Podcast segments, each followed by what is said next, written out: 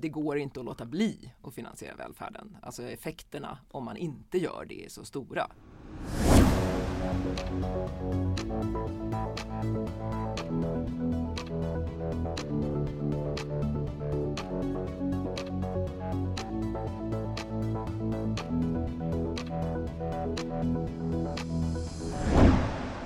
Är du akademiker inom samhällsvetenskap med 180 högskolepoäng? Då är Akademikerförbundet SSR fackförbundet för dig. Vi organiserar dig som är yrkesverksam, student, doktorand, forskare, chef eller egenföretagare. Vi finns inom alla sektorer och tar ställning i frågor som rör dig och dina arbetsvillkor. Läs mer och ansök på akademssr.se eller ring oss på 08-617 44 00. Hej och välkomna till Samhällsekonomiska podden som leds av mig Simon Inge här på Akademikerförbundet SSR där vi är i studion. Med oss har vi två gäster från LO, nämligen Ulrika Lorenzi, du är utredare på LO och Peter Gelach, du är LO-ekonom. Välkomna hit. Tack. Tack, tack. Jag tänkte idag ska vi prata om er fina nya rapport som heter Välfärdsgapet. Den har ni skrivit tillsammans och ytterligare en författare som inte är här. Men berätta, vilka ni, är ni på LO? Ja, Peter Gerlach heter jag som sagt. Jag är LO-ekonom. Eh, skriver mest om, jag jobbar ju delvis med våra ekonomiska prognoser för svensk ekonomi och hur det går med tillväxt och, och sysselsättning och sådana saker. Men sen skriver jag ganska mycket om olika finanspolitiska frågor och om näringspolitik ska jag säga. Men eh, i det här fallet så, så, är det ju då framförallt då kommunernas finanser vi, vi, vi ska prata om. Ja, Ulrika Lorenzi, jag jobbar ju då som välfärdsutredare på LO och mycket med finansiering och styrning av välfärd men också jag tittar mer specifikt på äldreomsorg och sjukvård och Johan Enfeldt som är den tredje författaren mm. av rapporten, han är också välfärdsutredare, mer fokus på skola och eh, förskola. Men ska vi börja i det då? Vad är välfärdsgapet? Ja, det är väl flera saker men den här rapporten vi har skrivit försöker väl besvara frågorna om liksom som kopplar välfärden, vilket vi i det här fallet då likställer vid välfärdstjänsterna och det som görs i huvudsak av kommuner och regioner. Kopplar de verksamheterna och liksom till resursfrågorna egentligen. Hur mycket, hur mycket resurser borde de här verksamheterna ha? Eh, hur skiljer det sig? Hur har det utvecklats? Vilka resurser krävs för att bevara dagens kvalitet i framtiden? Eh, den typen av frågor. Mm. Hur också använder vi resurserna vi har på ett ännu bättre sätt? Eh, så vi har väl försökt samla liksom flera olika frågor som vi, där vi försöker liksom hantera resursfrågan och kommunsektorn i en rapport egentligen. Och det, det gapet som ju också finns är ju att dagens välfärd inte har tillräckligt med resurser. Så det är ju en till komponent vi tittar på. Så gapet är vad man förväntar sig som medborgare kontra vad som faktiskt utförs? Ja, vi, om man ska vara riktigt strikt så är väl gapet eh, det, det, är flera delar här då, men det är delvis då alltså hur mycket resurser krävs eh, för att säkerställa dagens välfärdskvalitet i framtiden och hur mycket utifrån en expertbedömning, inte utifrån kanske vad medborgarna förväntar sig, för det vet vi inte så mycket om. Men utifrån de expertbedömningar vi har tagit in, hur mycket ytterligare resurser krävs för att höja kvaliteten i framtiden till, eh, till välfärdssektorn. Och då såg jag 51 miljarder, då behåller vi nuvarande 20, eller 2022 års nivå framåt. Och sen måste man lägga till lite om man ska få lite bättre kvalitet. Har jag förstått det rätt då? Ja, precis så. Ska vi, ska vi ge lite kontext till det där kanske? Det tycker jag. Nej men för det är ju alltid, det kan ju låta, många reagerar kanske och tycker att oj vad mycket pengar ni pratar om och, och vad betyder det där? Eh, man kan ju säga så här att eftersom kommuner och regioner finansieras ju i huvudsak på två sätt. Det är delvis då genom de skatter de tar in men också med statsbidrag då, eller bidrag från staten. Eh, och skatterna, ja de växer ju i huvudsak med att vi blir fler och fler som jobbar och lönerna växer och sådär, så då växer skatteintäkterna. Eh, och på så sätt hänger de med när även kostnader och sånt växer. Men, men, men statsbidragen kräver ju hela tiden aktiva beslut då, från staten för att, för att liksom öka. De ökar inte per automatik. Så det gör liksom att det uppstår liksom ett gap hela tiden kan man säga per automatik om inte staten eh, hänger med och skjuter till så mycket pengar som behövs. Och det är därför man hör den här debatten årligen från ja, i rikspolitiken då varje år. Hur mycket pengar kommer komma i årets budget till, eh, till välfärden? Och så hör man att det är 10 eller det är 16 miljarder eller det är 5 miljarder. Och, eh, och det låter ju alltid bra men det är ju egentligen då bara för att man inte har någon form av eh, automatisk justering med det där så att annars så liksom uppstår ett hål helt enkelt. Eh, så det behöver inte handla om ett liksom tillskott som höjer, höjer liksom, ger nya möjligheter i verksamheten. Det är ju framförallt möjlighet att bara bevara den verksamhet man har. Eh, så, så när vi då säger att eh, 2027 så det är så långt vi har räknat framåt. Då, tre budgetar fram kan man säga, alltså budgeten för 2025, 26 och 27.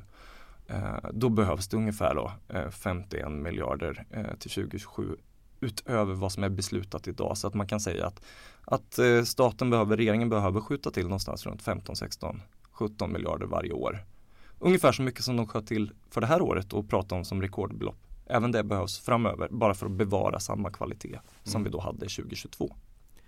Och man kan ju säga också själva kostnaden, den har ju vi räknat ut utifrån eh, men hur, mycket, hur mycket personer i olika åldrar kostar och hur många och de prognoser som finns kring demografi. Mm. Där vi ju kostar mer när vi är barn och ännu mycket mer när vi är gamla. Så det, det här är ju liksom, och plus att befolkningen ökar så kostnaderna kommer ju öka helt automatiskt. Och därtill så är det ju också Delvis då har vi en demografikomponent, alltså hur, mycket, hur befolkningen utvecklas som avgör hur mycket mer pengar välfärden behöver. Men sen har vi ju också de här prisökningarna som har varit då väldigt stora här.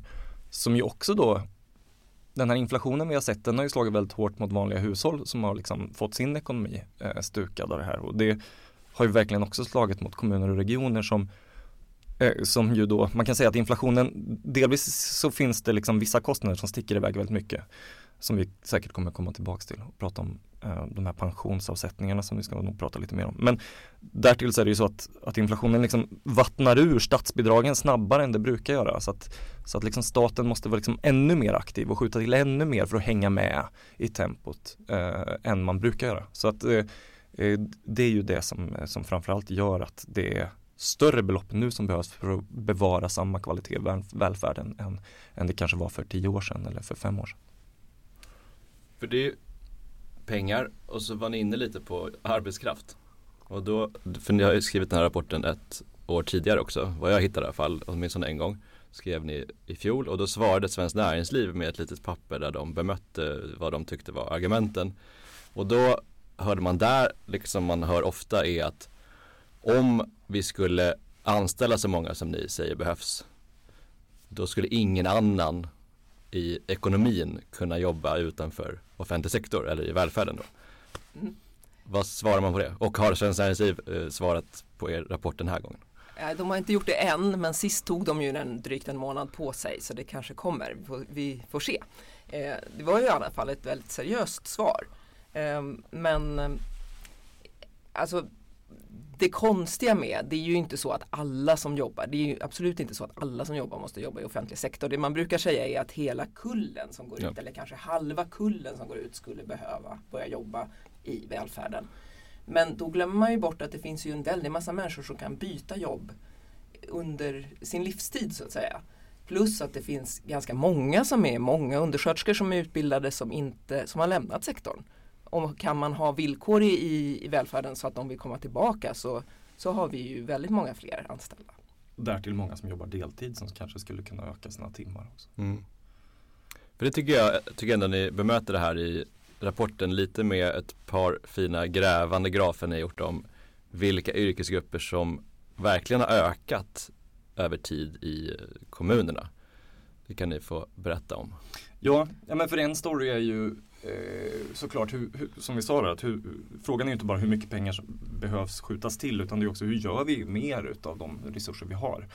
Och vi tycker ju att vi ser en väldigt tydlig trend i att de, de sätt vi styr vård, skola och omsorg med idag, de, de, de är väldigt dyra eh, till stor del. Alltså de, ganska, ganska kostnadsdrivande. Och det, ett sätt man kan se det där på är ju hur mycket det som vi klassar som administratörer då i statistiken har vuxit. De yrkesgrupperna har vuxit i kommuner och regioner. Och då kan man säga att på tio år så har antalet administratörer i kommuner och regioner vuxit med 25 000 fler än vad bara befolkningsutvecklingen motiverar. Så att, så att eh, det, det, är ju rimligt att liksom det sker en viss ökning. Och det kanske inte heller var man ska väl säga att liksom, det är inte säkert att eh, för tio år sedan att vi hade den perfekta mängden administratörer då heller. Det är inte vi de att bedöma. Men det är väldigt tydligt att det här är liksom, eh, det är så framför allt liksom som, som kommunsektorn och regionerna, liksom, kommuner och regioner växer i personalstyrka. Det är väldigt mycket på administratörsbiten. Och tittar man på vissa liksom undergrupper som jurister och upphandlare och så här så, så har de ju vuxit med 60-70 procent liksom på, de här, på de här åren. Um, Eh, och, och, så kan det ju inte fortsätta. Det, det, är ju det är en helt ohållbar trend för till slut eh, så kommer ju alla bara jobba med att administrera andras arbete som ska göra det riktiga jobbet. Så att säga. Mm. Eh, och där är ju kanske till och med potentialen då om man vill se fler som jobbar i verksamheterna. Att, att här finns det väldigt mycket folk som jobbar i kommunsektorn som vi hoppas att man kan organisera på ett annat sätt så att de kan få andra arbetsuppgifter. Eller, eh, i alla fall Eh, man inte behöver de tjänsterna lika mycket utan behöver andra tjänster som, som är mer verksamhetsnära. Och det, det, hänger ju ihop med hur man styr välfärden. Det vi ser är ju att med mer privatisering så finns det ett större behov av kontroll. Det finns också ett större behov av, av eh, ja, men jurister som kan skriva avtal som går att faktiskt följa upp. Eh, och eh, Ja, ja och, och plus att det blir massa överklaganden. Det är liksom mycket som driver en ökning av just jurister och, och upphandlare som, där vi tycker att det rimliga vore att satsa mer på att det finns folk som jobbar ute i välfärdstjänsten. Om man ska fortsätta på det då med ett annat sätt man ser hur marknadiseringen driver liksom ökade, liksom att man måste ha mycket fler administratörer det är ju att att eh, man måste till exempel, framförallt är det liksom biståndsbedömare en grupp som liksom växer väldigt, väldigt mycket. Olika typer av handläggare. För att kommunen måste väldigt tydligt separera sitt myndighetsutövande där man bestämmer till exempel inom äldreomsorgen exakt hur mycket äldreomsorg har person X rätt till. Och, eh, om man lägger ut det på en privat utförare som alltid har ett intresse av att liksom öka mängden omsorg som personen får på olika sätt. Då måste liksom eh, den här, de här funktionerna delas upp tydligare och man måste ha en väldigt strikt bedömning från kommunens sida av hur mycket, hur mycket ska de ha rätt till det är ett sånt exempel där man kanske förr när man hade det här liksom själv organiserade själv så kunde så var man inte lika liksom noggrann och behövde inte vara lika petig med biståndsbedömningen för det fanns liksom inget ekonomiskt intresse av att, av att maximera liksom efterfrågan på, på de här tjänsterna. Uh, så det är ett sånt exempel mm. på hur kontrollen liksom tar sig uttryck i praktiken.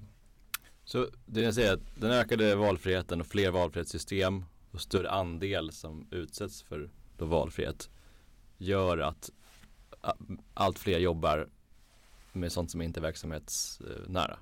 Men inte bara valfrihet, det tycker jag är fel liksom, väg. Och det, det behöver inte alls, det kan vara upphandlade verksamheter där det bara finns en. Mm.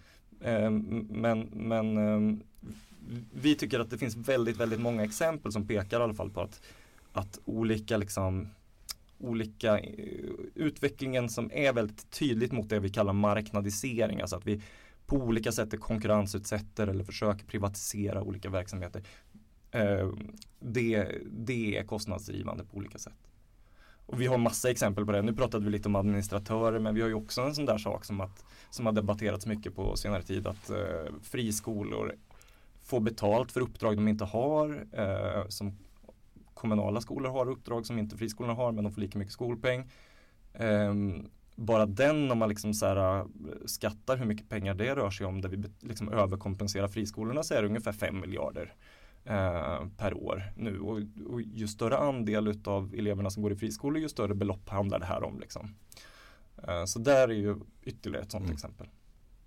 Ja, ett annat exempel som vi väldigt tydligt kopplar till valfrihet är ju när man har ett, ett, ett system enligt lagen om valfrihetssystem i hemtjänst där har ju Trafikverket gjort en simulering där man tittar på bara att det finns två aktörer att välja mellan i, på samma område så leder det till 30% mer transportkostnader som ju också förstås kostar i löner och tid. Eh, och ju fler, ju fler olika aktörer som åker runt varandra på samma område desto mer pengar rinner ju iväg i, i de här transporterna. Och så. Men om man gör en historisk svepning så tänker jag, då börjar man någonstans för 30 år sedan kanske så sa man att de här privatiserade tjänsterna kommer att bli effektivare och billigare. Sen skulle jag säga att det har dementerats, det övergav vi kanske för 10 år sedan. Så. Det hör man inte längre. Men då fick man höra istället, nej men det är bra att få välja. Så att det är liksom bara bra inför det här. Och det som ni nu då för i bevis här och på ett trovärdigt sätt tycker jag att det medför också en massa kostnader. Så att är det förflyttningen här? Ja, det tycker jag är en ganska bra beskrivning och, och särskilt om man tänker in ah, oavsett vilket värde man lägger liksom i, i den här valfriheten då till exempel, eh, som då är fallet ibland då, så, eh, så är det väldigt tydligt att den kommer med en kostnad som man kanske inte har har liksom tänkt sig. Om man till exempel tar då lagen om valfrihetssystem som ska gälla i primärvården till exempel. Då när staten eh, införde den och, och, och tvingade då alla, alla regioner att införa valfrihetssystem i primärvården. Då ledde det ju för många medborgare till en ökad valfrihet utav utförare. Det gjorde det. Man fick dock, kommuner och regioner fick ju inga ytterligare resurser fastän man nu liksom tvingades in i det här nya regelverket. Och det, det är ju det är liksom ett mönster vi ser där, där man har man kan ju se det som en kvalitetshöjning det här liksom sättet att ändra organisationen.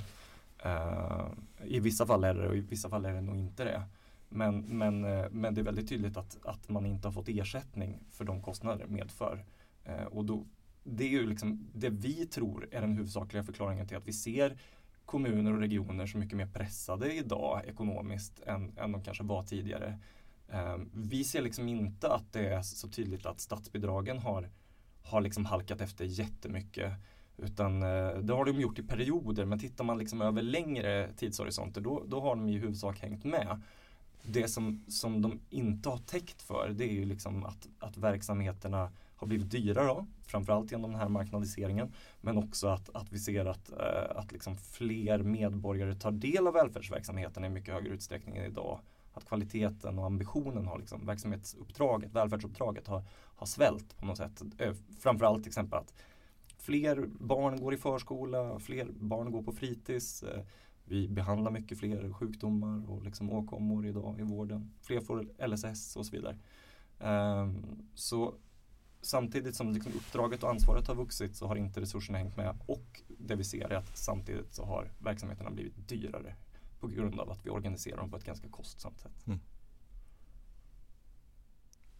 Du är inne på vissa saker här som kommunerna ju inte har kontroll över. Alltså hur många barn som går på förskola det är ju kommunerna skyldiga att erbjuda. Så om de plötsligt får då en större andel av barnkullarna så får de ökade kostnader. Och Sverige har ett system där man har unikt hög andel av egen, alltså kommunerna bär upp väldigt stor andel av sin egen budget genom skatt. Under covid så såg vi att det delades ut väldigt mycket pengar till kommunerna. En del av det försvann. Det var ju 11 kommuner som gick ut direkt och sänkte skatten. Jag kollade på om de dessutom gjorde sådana generella effektivisering, det vill säga skar också verksamheterna. Det gjorde de. Så de sänkte skatten, de skar ner på, på våra medlemmars arbete med statliga pengar. Varför kommer det inte bli så nu? Om vi bara ger kommunerna mer pengar, kommer de pengarna gå till verksamheterna? Men det krävs ju ett opinionstryck där man pratar om att pengarna behöver gå till välfärden. Sen så så kanske det också är så att man kommer behöva, Kommunal kom ju nyligen med en rapport när det gäller förskola att man faktiskt måste sätta bemanningskrav. Mm. Som liksom, ja men det, och det hänger ju ihop med liksom att sta, staten, vi vill att Sverige ska ha förskolor med bra kvalitet i alla kommuner. Då, då kanske det är, faktiskt är så att bemanningskrav är nödvändiga. Det har man infört i Norge till exempel. Ja men det är en väg att gå. Sen tror jag kanske att man får räkna med eh, nej men beroende på liksom hur mycket kommunalt självstyre man vill ha på något sätt. Att, att ja, det kanske får vara en viss eh, del, eh, vissa kommuner som fattar liksom andra vissa beslut också. Men det man kanske också, det har inte vi gått in på så mycket i den här rapporten för det, vi har mer tittat på sektorn som en helhet men det finns ju också väldigt, väldigt tydliga mönster mellan olika typer av kommuner. Att att till exempel de små kommunerna har jättehöga skattesatser och eh, svårt att liksom, eh, finansiera sin verksamhet. Och, och medan mycket mer tätbefolkade kommuner, alla, alla de liksom har ju de lägsta skattesatserna. Så någonting i det kommunala omfördelningssystemet är ju, klarar inte riktigt att kompensera för skillnader i förutsättningarna att driva de här verksamheterna trots att det är Mm. ambitionen med systemet. Det, är inte vad vi skriver om så mycket här för vi har liksom inte rätt i det men i andra sammanhang så har, har, tycker jag att det där fram, framstår som ganska tydligt och skulle man skruva i det där så kanske också det är fler kommuner som, som inte tycker att de får lika mycket resurser över kanske. Men det är inte egentligen det ni har kollat på här. Men, men ni stänger inte den dörren att det finns en styrningsutmaning också. Så förstår jag. Ja men absolut. Det, det stämmer. Det finns mer saker att, att gräva i helt enkelt. För just också det vi ser är väl att om det råkar vara olika politiska färg på regering och kommun så kan ju det skapa en lite ogynnsam dynamik. Ja och det är väl också därför regeringarna gärna har riktade statsbidrag istället för att säkra upp att de faktiskt används och så. Det, det är- ett stök men det kan ju kanske styras upp på olika sätt och, och förstås finns det en, folk, en tydlig opinion när man faktiskt säger att vi kan inte hålla på och minska resurserna till verksamheter vi, vi har, vi, som måste hålla god kvalitet. Ja, då får väl folk antingen rösta på de partierna som garanterar det eller, eller påverka de partier de röstar på så att det blir så. Det låter lovande. Du tror på den lokala demokratin. ja, jag hoppas på det. Indexering då. Mm. Tänker jag att vi för är det ett år sedan nu så var det en för detta finansminister som lovade att eh, på ett sätt indexera de statsbidrag som går till kommunerna. Och det är lite stort. Jag menar, Peter du jobbar på finansdepartementet. Indexerade utgifter är ingenting man är jätteförtjust om på, på den delen av eh, regerings... Nej. Men man ska komma ihåg att alltså, statsbidragen till kommunsektorn är ju liksom historiskt eller liksom i jämförelse med alla andra utgifter så är de extremt oindexerade så att säga. Om du tar någonting som, vi pratar om att barnbidrag inte är indexerat till exempel. Alltså det är ju fortfarande 1250 spänn trots att det har det varit sedan 2018. Och de där 1250 spännen ger inte alls lika mycket idag som, som det gjorde då. Men, men det är i alla fall indexerat i antalet barn. Alltså Mm. utgifterna för barnbidrag stiger när det blir fler barn. Så är det inte med statsbidragen till kommunsektorn. De är ju liksom de är ju, även om befolkningen växer och så, så, så är de ju vad de är så att säga. Så att, så att det finns ju liksom grader av hur mycket man, man kan och vill indexera saker. Det rimliga från statens sida är ju att man står för en konstant andel av liksom finansieringen utav de här verksamheterna. Idag så är liksom, leder regelverket till om inte då politikerna fattar beslut eh, som leder annorlunda så leder det till att, att staten liksom ständigt finansierar en allt mindre del utav de här verksamheterna. Så att om man, om man utgår från hur stor del utav de här verksamheterna ska staten finansiera så försöker man upprätthålla den andelen egentligen. Eh, det är ju det är så vi har resonerat i huvudsak när vi har liksom pratat om indexering. Och då räcker det ju inte att bara prisindexera. Eh, I vanliga fall, nu har det varit lite annorlunda de senaste åren här, men, men i vanliga fall så har ju liksom löner vuxit snabbare än eh, priserna, eh, än inflationen. Vi har haft reallöneökningar. Och de största kostnaderna i välfärden är ju personalen och därför är liksom kostnaden för välfärden växer eh, snarare i takt med liksom, mot lönerna än, än, än, än bara priserna. Eh, skatteintäkterna växer ju också i takt med lönerna i huvudsak. Så att, så att liksom, det behöver inte vara ett stort problem liksom, för den delen som finansieras med kommunalskatten. Men, men för staten så, så liksom innebär det att man behöver öka anslagen till kommuner och regioner snabbare än bara inflationen. Man behöver, behöver snarare öka i takt med lönerna för, Mm. att, för att bibehålla liksom statens andel av finansieringen. Där skiljer ni från då Socialdemokraternas förslag för det var en eh, inflationsindexering. eller? Ja, och det är ju ett stort steg tycker jag i rätt riktning eh, från att inte indexera alls. Mm. Men, eh, men eh, eh, den, det, även den kommer ju leda till liksom en fallande andel som staten finansierar utav kommuner och regioner. Så av den offentliga sektorn så, så är det ju kommunregioner som bär upp det som ökar över tid. Men ni vill ändå hålla Nej, Det förlåt. Ja, ja, konstant. nej, men vi vill ju också indexera utifrån demografi. Så vi har ju tre delar. Okej. Det, där, Ja, det förlåt, jag Peter bara om var den delen. första delen. Jaha, ja. Den andra, Ja. andra delen är, är utifrån demografi. Mm. Och sen är ju den tredje är ju utifrån också konjunktur. Att man ska ge mer pengar i lågkonjunktur. Precis, den första delen är ju att liksom hänga med i löneutvecklingen. Den andra delen är ju att hänga med i demografin. Argumentationen för att man ska liksom indexera utifrån demografin den är lite annorlunda för den där kan man ju liksom fundera på hur mycket utav kostnaden utav en åldrande befolkning ska bäras utav kommunalskatten och hur mycket ska bäras utav statliga intäkter egentligen. Och där får man ju mer fundera själv på liksom vad man tycker. Eh, vi tror ju att liksom att staten har liksom en tillgång till andra intäkter som är bättre att höja än vad kommunalskatten är. Så därför så har vi liksom sagt att eh, det borde vara staten som bär den här kostnaden för den, för den, eh, för den åldrande befolkningen snarare mm. än, än kommunsektorn. Eh, men, men det, är, eh, det är vårt resonemang bakom. Och sen då som, som Ulrika säger slutligen, det, det, finns liksom en väldigt intressant vi har ju ett system idag där kommuner och regioner i allt väsentligt ska gå plus minus noll varje år. Deras budgetar ska gå ihop. Liksom. Mm. Eh, det är det man kallar det kommunala balanskravet. Det det är samtidigt så att, att deras eh, intäkter och kostnader kan svänga ganska kraftigt har vi ju lärt oss. Eh, inte minst nu. Eh, och en lågkonjunktur kan liksom leda till att, att man, man då måste säga upp massa personal för att, för att få budgeten att gå ihop. Det behövs lika många socialsekreterare och eh, liksom lärare i lågkonjunktur som i högkonjunktur. Möjligtvis kanske ännu fler eh, i lågkonjunktur än i högkonjunktur. Men, men i grunden så behövs det ungefär lika många. Och att man ska hålla på och liksom, eh, att, och liksom dra ner och upp på personal i, liksom, med konjunktursvängningarna i kommunsektorn, det, det är inte lämpligt.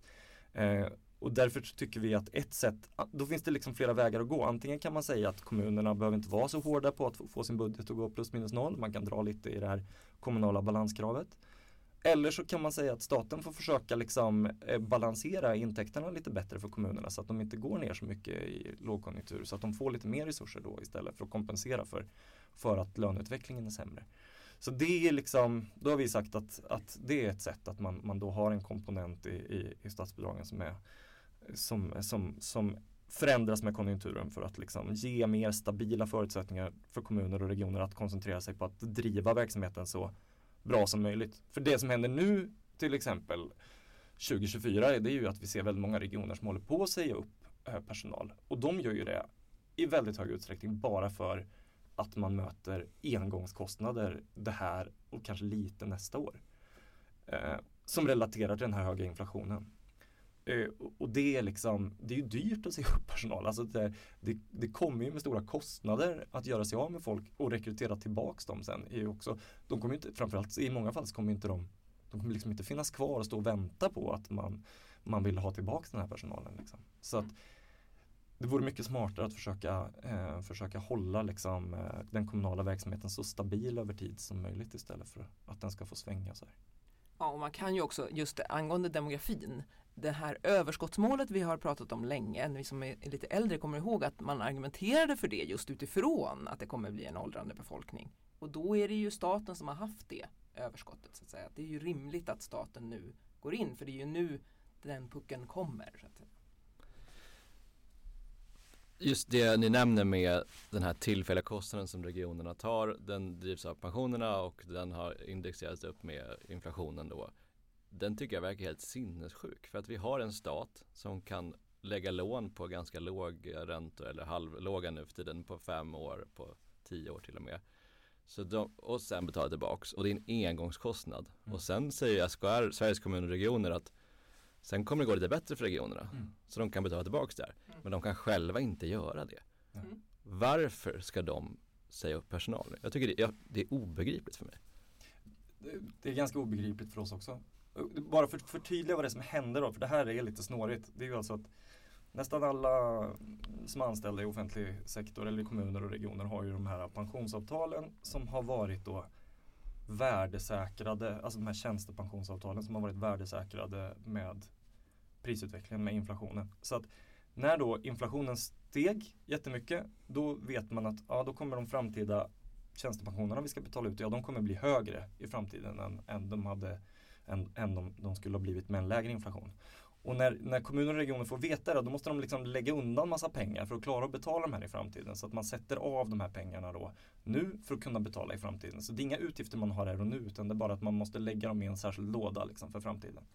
Och, och det, det är det som egentligen, det här behöver man bara göra en gång nu när inflationen gick upp och sen har den ju kommit ner. Liksom. Så att i nästa år så behöver man inte alls sätta av lika stora belopp.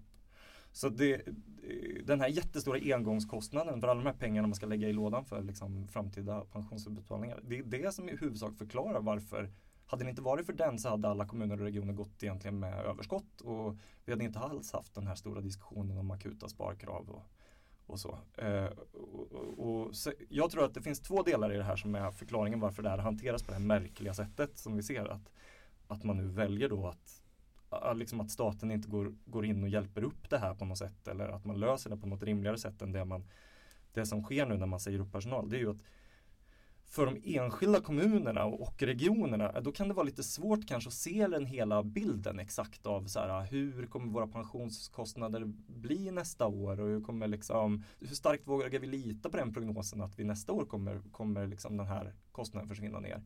Så att jag kan liksom ha sympati med kommunekonomer som sitter och liksom ska handskas med, med den biten. Men men när man sitter med hela bilden liksom, och ser att det rör sig om ungefär 60 miljarder eh, som kostnaderna för tjänstepensionsavsättningarna steg på liksom en eller två år. Och de kommer komma ner med 50 eh, åtminstone tillbaks. Vi skulle ha ganska stora överskott i, i kommunsektorn om det inte vore för det här. Eh, så varför vi ska handskas med det genom att liksom sparka folk, det, det, det är helt omöjligt att försvara kan jag säga, det var ju, när vi spelade in det här så var det igår en lång debatt i riksdagen och där Socialdemokraterna hade plockat in från alla regioner och berättat för sjukvårdsministern vad det här innebär. Eh, men hennes svar var ju bara att vi ska bekämpa inflationen. Vilket ju också är helt orimligt när de här pengarna ska ju mest bara stoppas undan för framtida pensioner. De enda som kan, får pengarna direkt det är ju friskolor till exempel som ju alltid får. Eftersom de ska ha samma villkor får ju de också de här, den här höjda ersättningen. Så de, kom, de kan ju vinstvarna glatt, glatt då. Men annars så är det ju pengar som inte går ut i ekonomin. I ekonomin. Ja, och där kommer vi ihåg, det var det väl ett och ett halvt år sedan så skrev ju Konjunkturinstitutet att en motsvarande satsning på 50 miljarder, någon procent av BNP skulle öka inflationen med några tiondelar, kommer jag ihåg. Och det tror jag är att ta i. alltså, Ja men det är ju liksom, det, vi, vi, när vi tittar på den inflation vi haft idag i Sverige, det är ju inte, det är ju inte liksom för många undersköterskor som har drivit den liksom, eller att det är för många socialsekreterare ute i kommunerna. Utan det, eller deras orimliga lönekrav. Ja, men de har legat. utan det är, ju, det är ju jättetydligt väldigt mycket en konsekvens utav Rysslands invasionskrig, att vi har haft en halvledarkomponentbrist i Asien. Att vi, alltså, det, är ju så här kopplingen mellan ett, eh, ja, eh, de, liksom kommun, kommunernas liksom personal och inflationen. Det, det, lyckas någon hitta den så är jag imponerad. Vi har varit in lite på rollen hos SKR, Sveriges kommuner och regioner. Och de är ju då arbetsgivarorganisationen för, för alla de ni beskriver. Och de har ju en ganska stor roll också i att de är mer än bara det. De fördelar pengar, de får väldigt mycket pengar från regeringen för att göra det här så de finansieras indirekt av regeringen med ganska stora summor och behandlas ofta av i den allmänna debatten som en myndighet skulle jag säga. Man tänker att det de gör är nästan på myndighetsnivå. Samtidigt är de bara, det, det är inte en myndighet. Så det finns ingen offentlighetsprincip, det finns inget ansvarsutkrävande beskriva lite SKRs märkliga roll eftersom den påverkar väldigt mycket den styrning ni är inne på. Statsbidrag och indexering och sådär. Hur ser ni på den? Ja, LO har väl inte tagit någon sån här eh, e-, e-, ställning. Vår kollega Johan Enfeldt han har faktiskt skrivit en analys alldeles nyligen i, i eh, Aktuellt i politiken där han ju lyfter bland annat problemet med, med eh, bristen på insyn. Och man skulle ju verkligen behöva ha, ja men hantera den här eh, organisationen på ett annat sätt nu upplever ju vi också att det finns någon sorts märklig både väldigt stark konsensuskultur inom den organisationen så att nu när vi har ett vänsterstyre så att säga, mm, det märks ju knappt alls i de, de remisser de svarar. De har svarat till exempel på en, en utredning som föreslår att man ska ge eh, statsbidrag till endast privata utförare i primärvården i glesbygd. Och det svarar SKR, det är ju en toppenbra idé det är ju helt orimlig idé och för ur, ett, ur någon form av vänster socialdemokratisk syn är det ju helt sanslöst. De beter sig ju som om de var en myndighet men det finns inte insyn. Ja, nej, men det är stora problem helt enkelt. I den här frågan kanske om, vi har ju framförallt skrivit om så här att kommunerna borde få ökade statsbidrag så att i, och indexera statsbidragen. Det är ju positioner som SKR ofta för fram också. Så att, mm. så att på det sättet så tycker jag inte att uh, man ligger jättelångt ifrån varandra i den synen utifrån vad vi skriver här. Men, men det kanske är framförallt rörande då att runt marknadiseringskostnaderna som vi tycker att man, eller som jag i alla fall reagerar uh, lite starkare för varför inte varför liksom inte SKR tydligare tar ställning för till exempel det kommunala självstyret när det gäller ja, lagen om valfrihetssystem i primärvården eller i rörande friskolorna och sådär. Eh, där finns det så himla mycket saker som, som liksom ur ett rent oideologiskt kommunalt perspektiv eller man ska säga eh, man borde liksom jobba mot. Men också då som finansierare utav alla de här verksamheterna man ser att det är väldigt, väldigt dyrt med olika olika då privata lösningar så, så, är, så, så har man ändå, man har liksom ändå inte velat ta i det riktigt upplever jag. Ja, men Nej och inte heller liksom möjligheten att styra det är ju det som ofta är problemet att många av de här marknadssystemen där finns det en etableringsfrihet för de privata utförarna medan kommunen eller regionen har man kan säga en etableringsskyldighet och måste etablera sig även där det inte är lönsamt. Och det här det blir ju bökigt. Och det, men det är ju inte SKR ut och pratar om hur det kringskär ett, ett eh, kommunalt självstyre. Ja, för jag tänker om man, det man ofta hör SKR säga är just att vi måste värna det kommunala självstyret som ni är inne på. Men precis som ni säger om man tar då regionernas påtvingade, de måste organiseras, dela sin vård på ett väldigt specifikt sätt. Då hör man inte det argumentet, eller jag har inte hört det i alla fall. Är det så jag ska förstå mm. Mm. Men om man skulle spetsa till frågan då.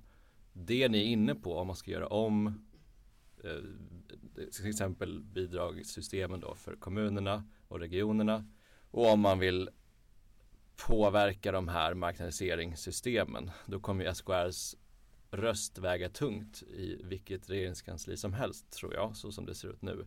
Är det möjligt att genomföra det här i givet att SKR har den roll de har idag? Nu har vi, inte, vi, har ju liksom inte sett, vi har inte skrivit i huvudsak om, eh, om SKR, hur det funkar och, och, eller inte funkar och i vilka avseenden. Och så här. så att, eh, det finns nog mycket mer att tänka och skriva där. Men, men eh, jag tycker liksom inte att det, det är inget principiellt hinder mot liksom, de här grejerna vi skriver. Argumentationslinjen som jag hänger upp mig lite på hos vår motpart SKR då är ju, de säger ofta att det, inte, det här går inte demografin gör att vi har inte råd med välfärden så som den ser ut nu för att då kommer alla behöva jobba i välfärden återigen och ingen kommer kunna jobba i näringslivet och så vidare. Det är ju, tycker jag, en lite tråkig inställning att någon bara säger att det inte går hela tiden. Men jag läser er rapport lite som att det faktiskt går. Jag menar 50 miljarder 2022 är ingen magisk nivå. Nej. Men jag menar 50 miljarder är väl inga pengar. Alltså jag, jag, läser ändå det lite så. Vi har ja, men det är säkert... skönt att du reagerar så. Inte Delar ni inte den bilden? Eller? Jo, ja, men det är klart att det går. Och vi brukar ju också säga att, att eh, det, det går inte att låta bli att finansiera välfärden. Alltså effekterna om man inte gör det är så stora. Det finns ju, till exempel har ju en, en forskare som heter Marta Shabehei pekat på det här sambandet som finns med resurser till äldreomsorg och att kvinnor över 55 år förvärvsarbetar. Det är klart att samhället skulle inte fungera om vi inte, inte såg till att det finns en omsorg som tar hand om människor så att andra kan gå till jobbet och så. Det, ja, det är väldigt, väldigt konstigt den här inställningen att det inte går. Tycker jag. Sen tror jag kanske också, alltså demografibiten min känsla, när vi började tog initiativ till den här rapporten för två år sedan egentligen, då sa vi att ja, men vi borde, det är ju alltid den här debatten varje år om hur mycket kommunerna ska, ska liksom få. Vi kanske borde räkna ut hur mycket vi bedömer att det är så att vi fullt ut liksom har en förståelse av, av vad vi och kunna grunda den liksom i någon mm. vettig metod. Liksom. Och det var så den här eh, egentligen kom till. Och då hade jag nog trott att liksom den åldrande befolkningen skulle vara en ännu större grej. Jag trodde, att, jag trodde nog att den skulle vara ännu mer kostnadsdrivande.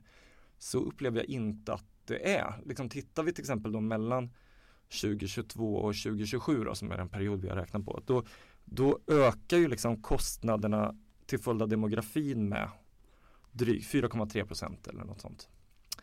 De, utav dem så är, så är ju knappt 2 procent är ju att befolkningen blir äldre. Resten är att vi blir fler. Så att säga. Eh, så den åldrande befolkningen då, ja på de här fem åren så gör det då verksamheten kanske 1,9, 2 procent dyrare ungefär. Men om man då till exempel sätter det i relation till hur priserna utvecklats så tror jag att, nu måste jag kolla men jag undrar om det är kanske, eh, ja men precis, det är ungefär, men det är liksom till 2027 så, så innebär prisökningen att verksamheten blir 17% dyrare. Liksom. Utav de höjningar av statsbidragen som krävs så är inte, så inte den åldrande, av de här 51 miljarderna så är den åldrande befolkningen, ja, det är ju inte, det är inte på något sätt lejonparten av det här utan det är egentligen bara den vanliga att vi ska, vi ska bedriva verksamhet som vi, som vi har gjort nu. Liksom. Mm. Så att jag tror ibland man, det är ju en stor trend. Det är klart att det är en stor grej att vi blir äldre eh, och det kommer innebära att verksamheterna blir dyrare. Eh, det är inget snack om det. Men samtidigt så händer det så himla mycket annat som är stort och som slår mot den kommunala ekonomin. Att man får inte, får liksom inte eh, skulle man bara lösa det så handlar det om väldigt stora resurser. Liksom. Ja, det, för de pratade bland annat för 15 år sedan om den så kallade 10-kronan. Då räknade man ut att kommunalskatten skulle behöva höjas med 10 spänn. Nej, det var 13-kronan. Förlåt, 13, 13 kronan rapporten, ja. jajamän. Och det har väl inte, hur blev det med 13 kronan? Ja, alltså när vi har träffat SKR, de som jobbar där nu, de skäms ju lite för den här rapporten. Och den, den räknade ju med ja, men som en, som en, de la in en procents ökning hela, hela tiden. Att det hela tiden skulle liksom hela sektorn väx, växa med en procent. Mm. Det var ju någon, någon som jobbade där som försökte visa att ja, men om vi drar det här några år till än, än till 2030 då kommer, ju, då kommer verkligen det här vara, det, då blir det orimligt. Men de gjorde ändå den, den här beräkningen och den har ju visat sig komma på skam ganska tydligt. Det har ju inte alls stämt deras deras liksom, linje över hur, hur resursbehovet kommer att öka. Så nej, de, den verkar de inte, inte riktigt vilja stå bakom idag. Utan nu ligger ju precis som vi har, ja vi har ju haft mycket kontakt med SKR och beräkningarna ligger ju vi väldigt nära varandra. Så det är inte någon, det, där är de inte ute och, och pratar om någon 13 krona längre. Nej, just framtiden verkar svår att förutspå. Men Samtidigt så vi, det vi vet är ju att jag menar, inte bara välfärden kommer bli något dyrare. Vi har också hela klimatkrisen mm. som ju redan idag menar Swedbank lägger stora kostnader på kommunerna. Nu ska vi tydligen också rusta upp vår militär här eftersom det är krig i Europa. Allt det här kommer ju också konkurrera med välfärden. Mm. Mm. Hur ser ni på det? Alltså det här kommer det bli stökigt om pengarna. En del av det handlar väl kanske om att vi måste finansiera vissa av de här åtagandena via, via skatten är väl liksom svårt att bortse ifrån tror jag. Men en del utav dem kommer kanske också, vi har ju haft en period nu där vi har lagt undan ganska stora belopp. Alltså, på 90-talet så uppgick den svenska statsskulden till 70 procent utav eh, BNP och den är eller den offentliga skulden och den offentliga skulden idag är ju snarare någonstans runt, runt liksom 30 procent av BNP och vi har ju liksom varje år amorterat på den här skulden. Frågan är om vi behöver amortera lika fort i framtiden utan vi kanske kan slå av på den takten och använda de resurserna på, uh, som har gått till det till, till något annat. Så att jag tror liksom det både är lite en fråga om hur ser våra finanspolitiska ramverk ut som kan frigöra lite resurser. Men, men det är också svårt att fortsätta den politik vi har haft under egentligen i grunden då sen ja, under större delen av 2000-talet där vi har liksom minskat de offentliga intäkterna ganska kraftigt som andel av BNP. Eh, om vi vill börja lägga 2% på försvaret och vi vill eh, värna liksom, eh, välfärden och vi, vi, vill hantera klimatutmaningen, ja, men då, då, då, kan ju inte vi, då kan vi i alla fall inte fortsätta så. Eh, så mycket kan man väl säga. Och när det gäller just beredskap, det hänger ju väldigt mycket ihop med vad vi satsar på välfärden. Välfärden är ju en jätteviktig del av vår beredskap. Så det, eh, ja, men de, de, står ju, de ligger i samma pott så att säga. Det handlar om, om sam, samma samhälle som måste fungera. Liksom.